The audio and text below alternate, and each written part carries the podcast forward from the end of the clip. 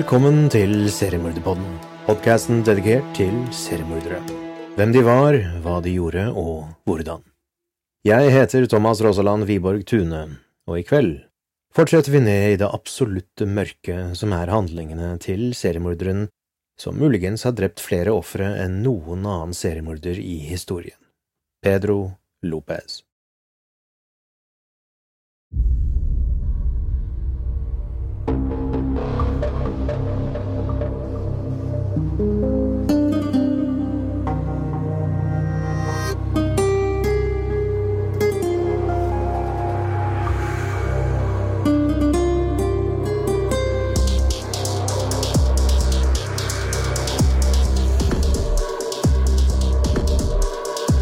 Man skulle tro at med et halvt dusin døde kropper og en bekreftet tilståelse skulle Pedro Lopez sitte bak lås og slå uten spørsmål. Det var imidlertid ikke slik saken til Pedro Lopez skulle gå. Så snart han hadde gitt sin første tilståelse, innså Pedro at de lokale myndighetene tvilte på sannheten i påstandene hans. Så han tilbød seg å ta dem med ut til gravstedene for å bevise omfanget av hans fordervede handlinger. Selv om de var noe nølende til å la Pedro Lopez bli med dem på utflukt, bestemte det lokale politiet til slutt å la ham lede dem til gravstedene, som han hevdet var spredt over hele landet. I løpet av seks uker ledet Lopez politiet på tvers av elleve ecuadorianske provinser, og hvert besøk avslørte enda en grufull samling av lik. For sin egen sikkerhet krevde politiet at Lopez skulle kle seg ut som en politimann når han fulgte dem ut til gravstedene. Det var en vakt plassert på hver side av ham, både for hans beskyttelse og for å hindre ethvert forsøk på rømming. Det første gravstedet var like ved grensen til Ambato. Han beskrev jenta som en avisselger som han hadde bortført, voldtatt og deretter myrdet bare ti måneder tidligere. Han fortalte dem at han hadde begravet henne under en bestemt bro i området. Til deres overraskelse fant politiet et komplett skjelett, som beskrevet ved foten av broen. Rettsmedisineren var ikke i stand til å fastslå noen detaljer om forbrytelsen fra kroppen. Imidlertid fikk politiet snart klarheten de søkte etter at et av offerets familiemedlemmer ble brakt til stedet. De kjente igjen klærne som hang fra skjelettet, og bekreftet det Lopez hadde fortalt politiet. Knoklene tilhørte en ung jente ved navn Hortensia Garces Lozada. Lopez sine påstander var sjokkerende nøyaktige, og etter hvert som politiet gikk videre til neste sted, fant de flere og flere lik.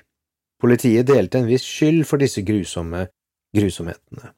Forsvinningene hadde begynt lenge før identiteten og fangsten av Lopez, men etterforskningen ble egentlig aldri til noe.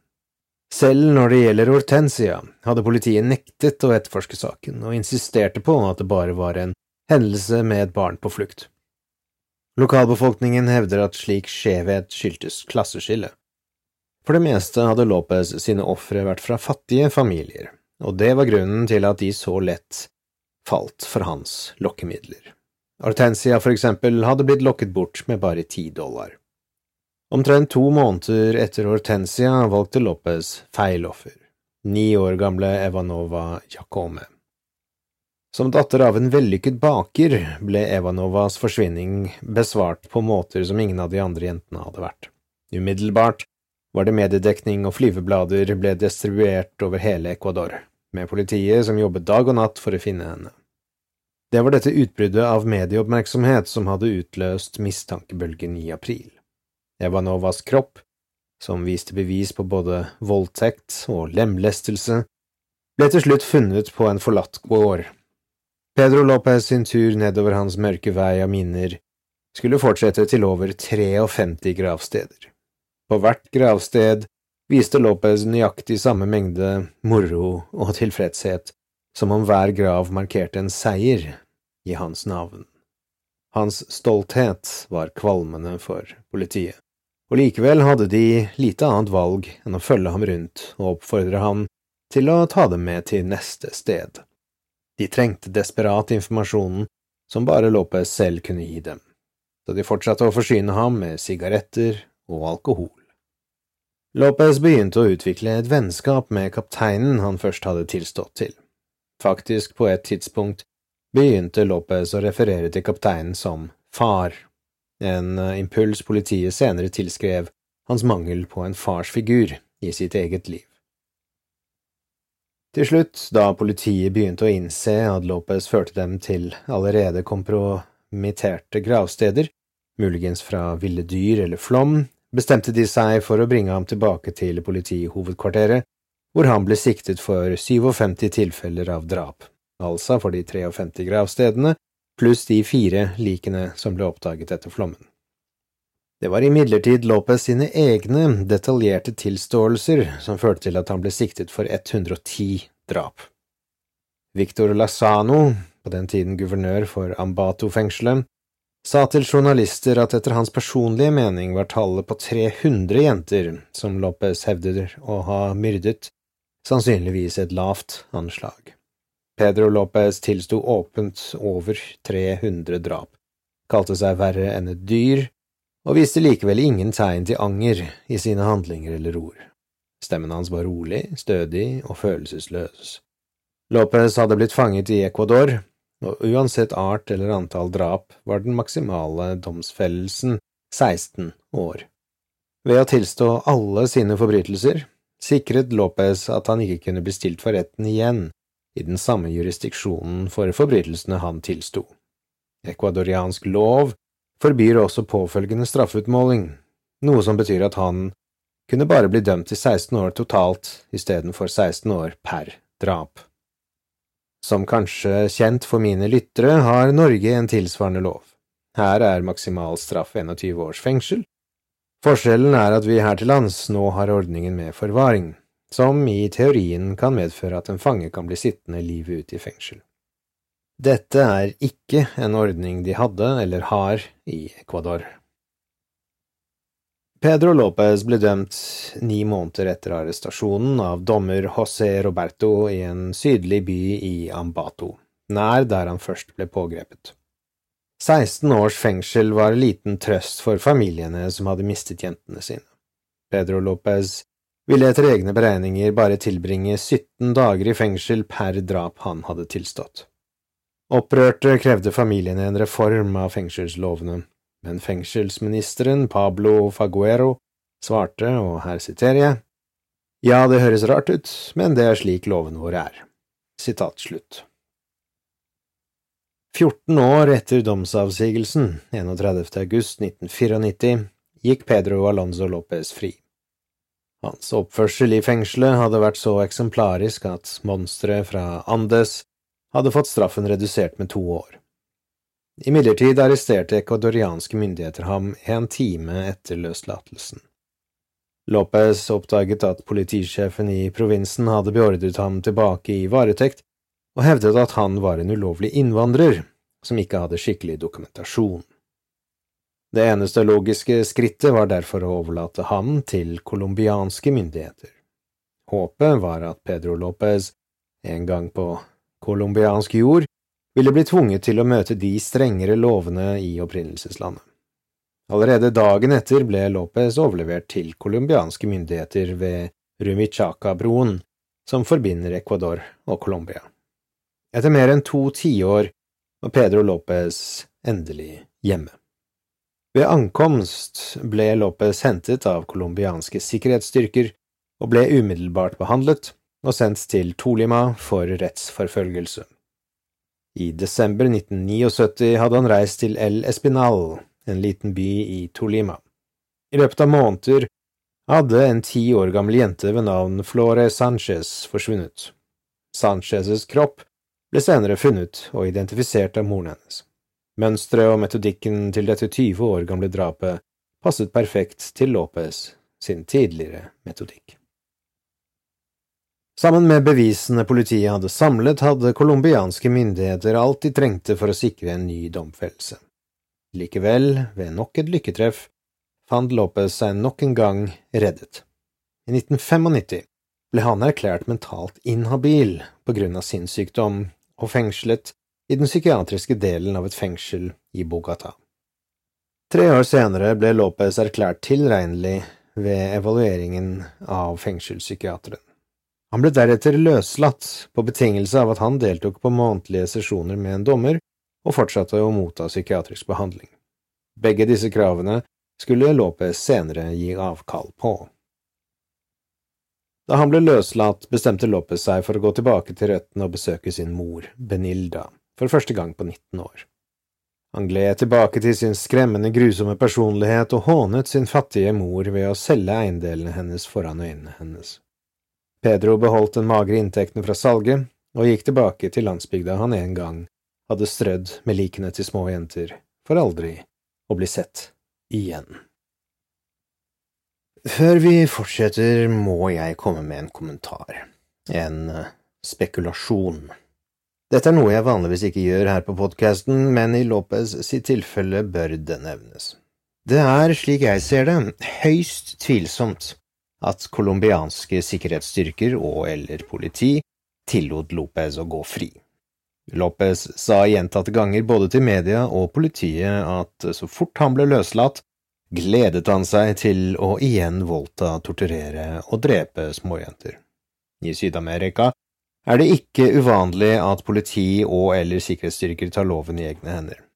Dette er dokumentert grundig, særlig i forbindelse med den tilsynelatende endeløse krigen mellom narkotikakartellene og staten. Men det at politiet omgår formell rettergang og heller velger å ta livet av kriminelle i andre tilfeller, er heller ikke uhørt. En metode som er verdt å merke seg, er at politiet tipser pårørende om hvor en frigitt kriminell befinner seg, eller at de selv opptrer som leiemordere mot betaling. Uansett er det som sagt høyst usannsynlig at Lopez fortsatt lever, og at han har fått lov til å fortsette sin drapsorgie der oppe i Andesfjellene. Slik jeg ser det, ligger nok liket hans i en grunn grav dypt inne i jungelen et sted. Etterforskere har forsøkt å forstå psykologien bak en av Syd-Amerikas mest dødelige menn, slik at de kan fastslå hans modus operandi. Tross alt, med Lopez på frifot, kan det bare være et spørsmål om tid før monsteret slår til igjen. For en mann hvis antall ofre er i hundretall, er det bemerkelsesverdig hvor konsekvent han alltid har vært med sine valg av ofre. Som de fleste profiler vil fortelle deg, er offerprofilering fortsatt en relativt ny etterforskningsmetode. Den gir dog stor verdi for myndighetene både ved å hjelpe til med å forutsi potensielle mål og identifisere spesifikke hendelser i seriemorderens eget liv som kan peke på gjerningsmannen. I tilfellet med Pedro Alonso Lopez var alle ofrene små jenter i alderen fra åtte til tolv. Som diskutert tidligere var dette samme alder som da Pedro først ble misbrukt selv. Det er også i samme alder som han ble tvunget til å forlate huset sitt for å ha misbrukt søsteren sin. På spørsmål om hvorfor han bare valgte unge ofre, sa Pedro, og jeg siterer, Det er som å spise kylling. Hvorfor spise gammel kylling når du kan få ung kylling? Sitat slutt. Det er tydelig at han med et slikt svar ønsket å fremkalle sjokk og avsky. En seriemorder som skamløst innrømmer sine forbrytelser, har ikke mye å skjule. Husk også at Lopez frydet seg over redselen han påførte. Teorier antyder at dette var en refleksjon av hans frykt for voksne, så vel som hans avsky for voksne kvinner. FBI-profiler Robert Ressler påpekte en gang at, spesielt i tilfeller som Lopez, vil en seriemorder ofte ha en slags besettelse av moren sin, en som vil manifestere seg i et kjærlighet-hat-forhold. I tilfeller av mødre som presenterte seg med seksualiserte liv, betyr det at utvalget hans av unge jenter var en indikasjon på hans komplekse forhold til moren, så vel som misbruket han selv ble utsatt for i en tidlig alder av seksuelle rovdyr. I Lopez sitt forvrengte sinn så han på jentenes uskyld, så vel som deres alder, som en refleksjon av hans egen naivitet, som han kanskje forsøkte å rense fra jentene. Andre etterforskere har teoretisert at Lopez i sitt sinn faktisk anså seg for å hjelpe jentene, antydet ved måten han ville referere til dem som dukkene sine. De hevder også at hans forestilling om å være deres frelser, til tross for hans tortur, voldtekt og drap, kan være en refleksjon av hans følelser om fattigdom og livet som et offer for seksuelle overgrep. Det kan være at han så døden som en gave, og at han i egne øyne gav dem løslatelsen ingen av overgriperne hans hadde vært eh, snille nok til å gi ham. Til og med Lopez sin metode for å lokke jentene var reflektert av hans egen voldelige fortid. Lopez lokket dem ved å tilby søtsaker eller penger, materielle fristelser som lignet på de som ble tilbudt åtte år gamle Lopez da han streifet rundt i gatene i Tolima alene. Måten han hadde reagert på fristelsene, må ha vært noe han angret på og beklaget seg for som barn og voksen. Å se små jenter på samme alder gjøre den samme feilen som han hadde gjort, var sannsynligvis nedbrytende for Lopez. Det fritok ham fra skyld, slik han så det. Dette forklarer også hvorfor han foretrakk de ecuadorianske jentene fremfor de colombianske jentene. Jentene han jaktet i Colombia, var mye mer forsiktige, en påminnelse om at han ikke hadde vært det. Mistanken deres ødela Pedros tilfredshet med drapene, men det stoppet ham ikke fra å drepe. Overgrepene Lopez ble utsatt for, var en katalysator for monstre, denne ondskapen som voldtekts- og torturhandlingene reflekterte. Pedro Alonso Lopez kan ha drept over 300 unge jenter, og han husket hver og en av dem. Ikke på noe tidspunkt gled minnene over i hverandre. Disse drapene ble ikke utført i et forsøk på å rense noe fra hans egen hukommelse. Faktisk var det mer som om de holdt et minne i live, slik at han kunne gjenleve det igjen og igjen. Bare se på hvordan Lopez begikk forbrytelsene. Hans signaturtrekk var kvelning. Han uttalte at drapsøyeblikket var det mest dyrebare, øyeblikket han så offerets livskraft sakte forsvinne fra kroppen hennes. Av ofrene hans var det tre blitt kvalt så voldsomt at øynene hadde sprettet ut av øyehulene. Lopez prøvde å forklare denne fetisjen ved å sammenligne den med sannhetens øyeblikk i tyrefekting, som om han var tilskueren som så på oksen eller matadoren der han innså at han gikk en sikker død i møte. Kvelning var en veldig risikabel metode. Det etterlot seg bevis, og det gikk sakte. Hans torturmetoder var brutale og sadistiske. Etter at han hadde sikret ofrenes tillit, brakte han dem til et bortgjemt sted og utsatte dem for usigelige voldshandlinger og seksuelle overgrep.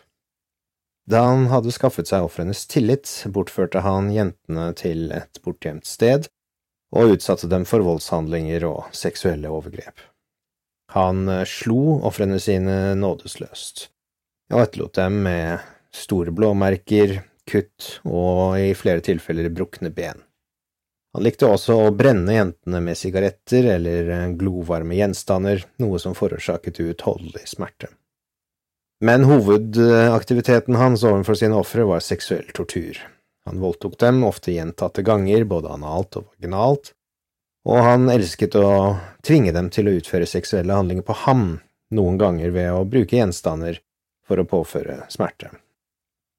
Han spilte tankespill med ofrene sine og manipulerte dem for å bryte ned sinnet deres og motivasjonen deres. Han truet dem med vold og fortalte dem at han kom til å drepe de eller og deres familier hvis de ikke samarbeidet. I enkelte tilfeller tok han også og bandt en jente fast, og tvang henne til å se på mens han torturerte og voldtok og drepte en annen jente foran henne, og slik traumatiserte han da denne jenta ytterligere. Andre ganger så holdt han ofrene sine i villmarken uten mat og vann i flere dager, noe som førte til at de ble svake og desorienterte, og selvfølgelig medførte dette stor lidelse. Dette gjorde dem også lettere å kontrollere og manipulere.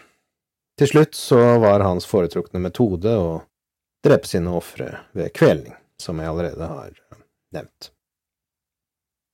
Som de fleste seksuelle sadister følte Lopez at hans evne til å kontrollere dødsøyeblikket gav ham makt. Han hadde manglet den følelsen av kontroll hele livet. Han begynte som en gateunge uten noen måte å bli noe mer enn bare det. Som voksen mann var ikke monsteret fra Andes en maktesløs gaterotte som kunne brukes og misbrukes etter eget ønske. Han var mektig, en kraft å regne med. Lopez hentet glede av sine kontrollerte voldshandlinger. Og med det, kjære lytter, kommer vi til slutten av sagaen om Pedro Lopez, monsteret fra Andesfjellene. Neste episode fortsetter vi med en helt ny saga om en seriemorder. Så som de sier i Radioland, følg med.